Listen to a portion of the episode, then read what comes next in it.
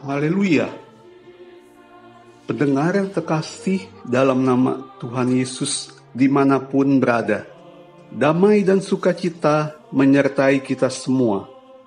Renungan sauh bagi jiwa yang disajikan gereja sejati berjudul Ujian dalam dapur kesengsaraan.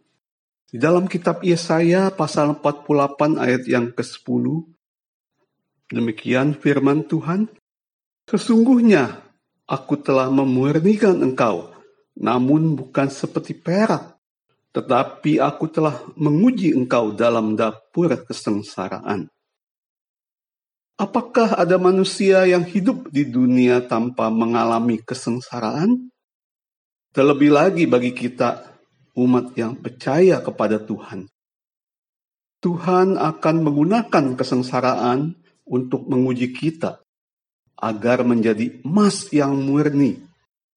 Namun, karena kasih kemurahan Tuhan, ia tidak akan menguji kita seperti perak.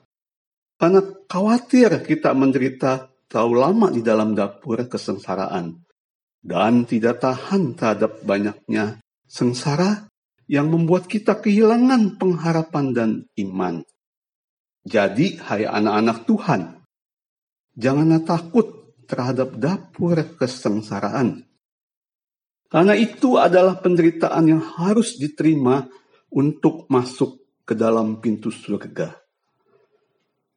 Tuhan sungguh tidak akan memilih manusia di dalam dapur pesta pora, kebebasan, kenyamanan, dan kedamaian. Karena tidak akan ada orang yang merespon pemilihan Tuhan dalam keadaan semacam itu manusia tidak akan mencari dan mendekat kepada Tuhan ketika hidupnya lancar. Segala sesuatu berjalan sesuai dengan keinginan hati, merasa puas dan sukses. Hanya dalam dapur kesengsaraan, seperti sakit penyakit, jiwa gundah gulana, tertekan, dan kekhawatiranlah yang membuat manusia mendekat kepada Tuhan.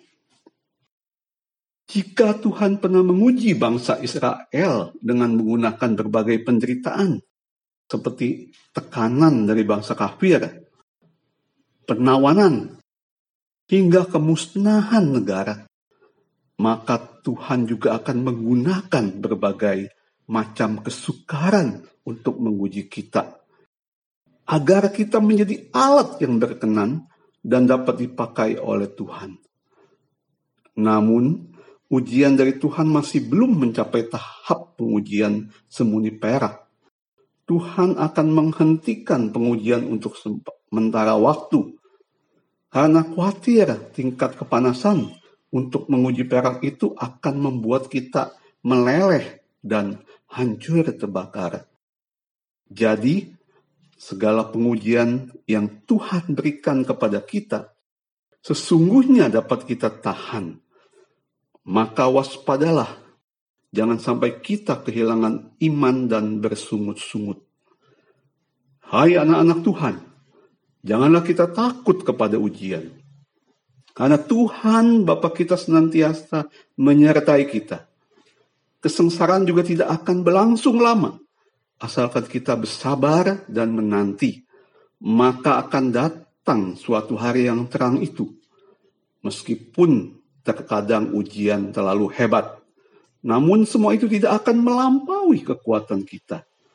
Tuhan pasti tidak akan meninggalkan kita di saat kita berada dalam pengujian. Kita adalah umat yang telah ditebus oleh darahnya yang mahal. Kita sangat berharga tiada taranya.